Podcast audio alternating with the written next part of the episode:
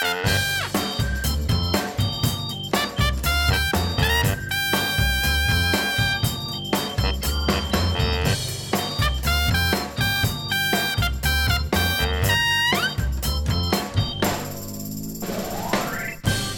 ik ben Rick en regelmatig deel ik met een knipoog mijn christelijke ergernissen op de CIP-podcast. Jawel.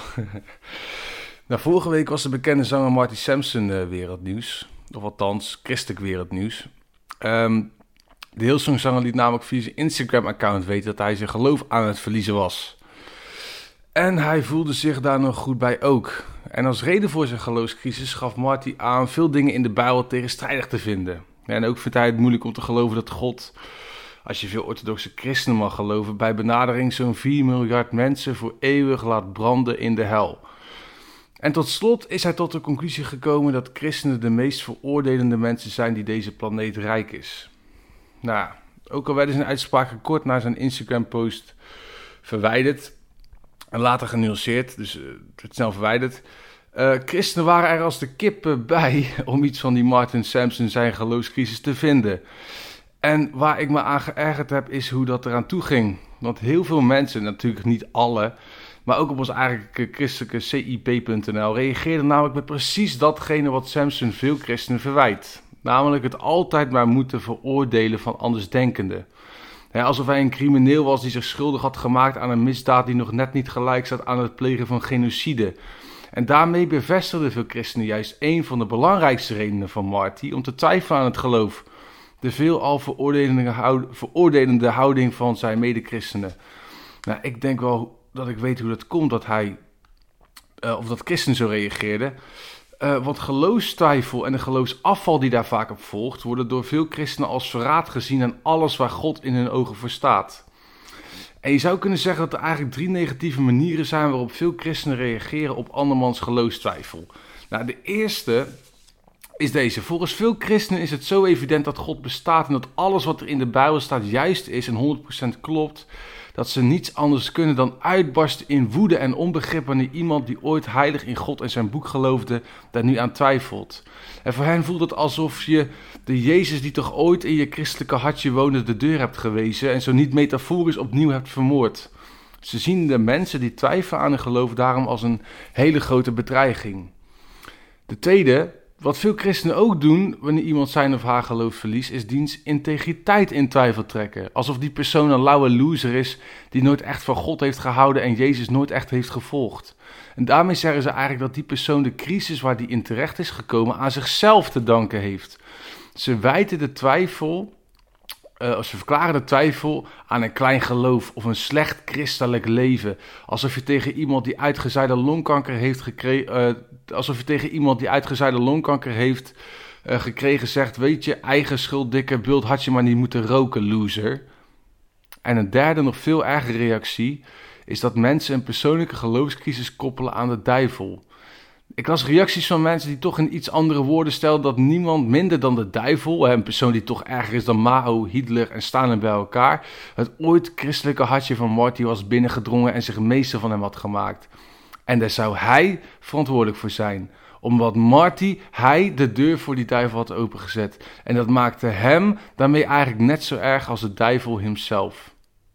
Zomaar drie manieren waarop christenen reageren op andermans geloofstwijfel op een negatieve manier. En dan denk ik, moeten we nou echt zo hard en liefdeloos omgaan met mensen die te maken hebben met de geloofscrisis? Ik denk van niet. Want op dit soort manieren reageren op mensen die in een geloofscrisis terechtkomen, zorgt er alleen maar voor dat ze met hun emotionele en rationele worstelingen in de kerk niet meer terecht kunnen. Omdat ze dat niet durven, omdat ze bang zijn om door christenen keihard veroordeeld te worden, in plaats van omarmd.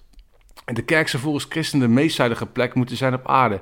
Dus ook voor mensen die met God even of misschien wel voor altijd gewoon geen raad weten. Die met God worstelen en knock-out, baf, op de grond terechtkomen. Overigens denk ik dat de mensen die zo tekeer gaan tegen anderen die van hun geloof vallen, ten diepste geregeerd worden door angst om datzelfde te overkomen. Hun afkeuring van Marty met zijn geloofsafval is in die zin net zo goed gericht tegen hun eigen angst om hun fijne, comfortabele en rotsvaste geloof te moeten verliezen. En mogelijk ook te moeten branden in de hel. Daarom verzetten ze zich, verzetten ze zich daar zo enorm tegen.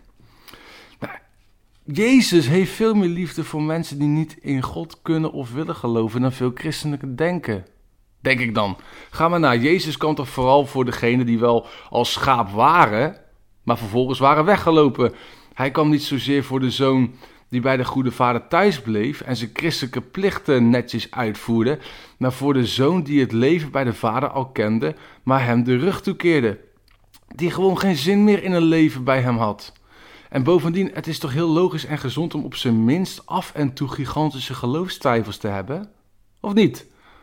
Dus waarom zou je het dan afkeuren? Want over het, je twijfelt over het leven in het algemeen toch ook heel veel. Hè? Over waar, waar, waar, je gaat studeren, met wie je moet, wel, moet gaan trouwen. Uh, willen we nog wel een kindje of niet?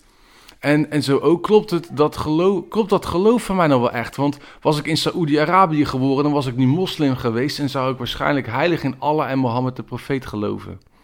Volgens mij is geloofstwijfel juist heel erg gezond. Het houdt je namelijk scherp voor wat je echt, voor, waar je echt voor in het leven. Sterker nog, ik denk dat mensen die weinig of geen geloofstwijfel hebben, ten diepste helemaal niet zo gelovig zijn als ze zelf denken.